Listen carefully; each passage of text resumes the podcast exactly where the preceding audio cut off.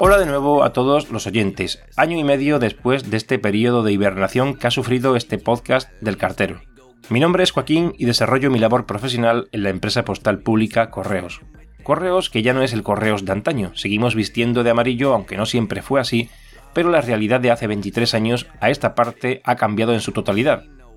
de formar parte del Ministerio de Comunicaciones del Estado a convertirse en una empresa pública de la que han ido vaciando al personal funcionario, facilitándole la movilidad interministerial y dejando tan solo oposiciones a personal laboral, que no tiene mucho que ver con el acceso a los derechos de un funcionario de carrera, obviamente. En la segunda década de este siglo XXI hemos visto la llegada de la liberalización del sector postal y la explosión de la paquetería con el e-commerce. Y la empresa postal pública, que muchos auguran será privatizada, se ha convertido en el grupo Correos, diversificando distintas materias como son la admisión, distribución, no solo con correos, sino con la empresa de mensajería Correos Express, antes Chrono Express, el Crea Mailing, que es la subcontratación para empresas externas del servicio de impresión en sobrado y distribución de sus misivas de facturación y marketing por carta,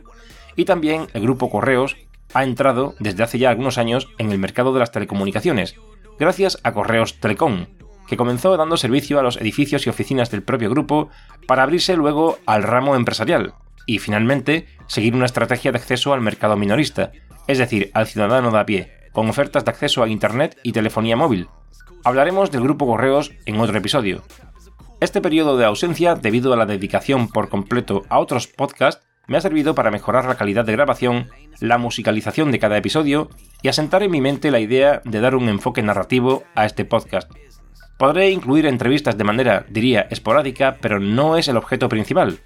Como ya dijera al inicio de la andadura de este programa, y que reiteré en el capítulo de oposiciones a correos, el sentido de este canal sonoro está en resolver cuestiones que me preguntan a menudo en la calle, y acercar al usuario la comprensión de los servicios del operador postal público, además de contar historias y anécdotas que resulten divertidas a la audiencia, como la pequeña investigación que realicé respecto del timbrado de las postales con sellos de otro operador internacional en muchas zonas turísticas españolas y que vulnera los derechos de explotación de correos en territorio nacional, al no ser el otro el operador designado para el Servicio Postal Universal, el cual, este último, el Servicio Postal Universal, reconoce ciertos servicios reservados a esta vinculación que obliga a correos de cubrir un servicio público que es un derecho del ciudadano y que está protegido por la Ley Postal Española y la Directiva Postal de la Unión Europea.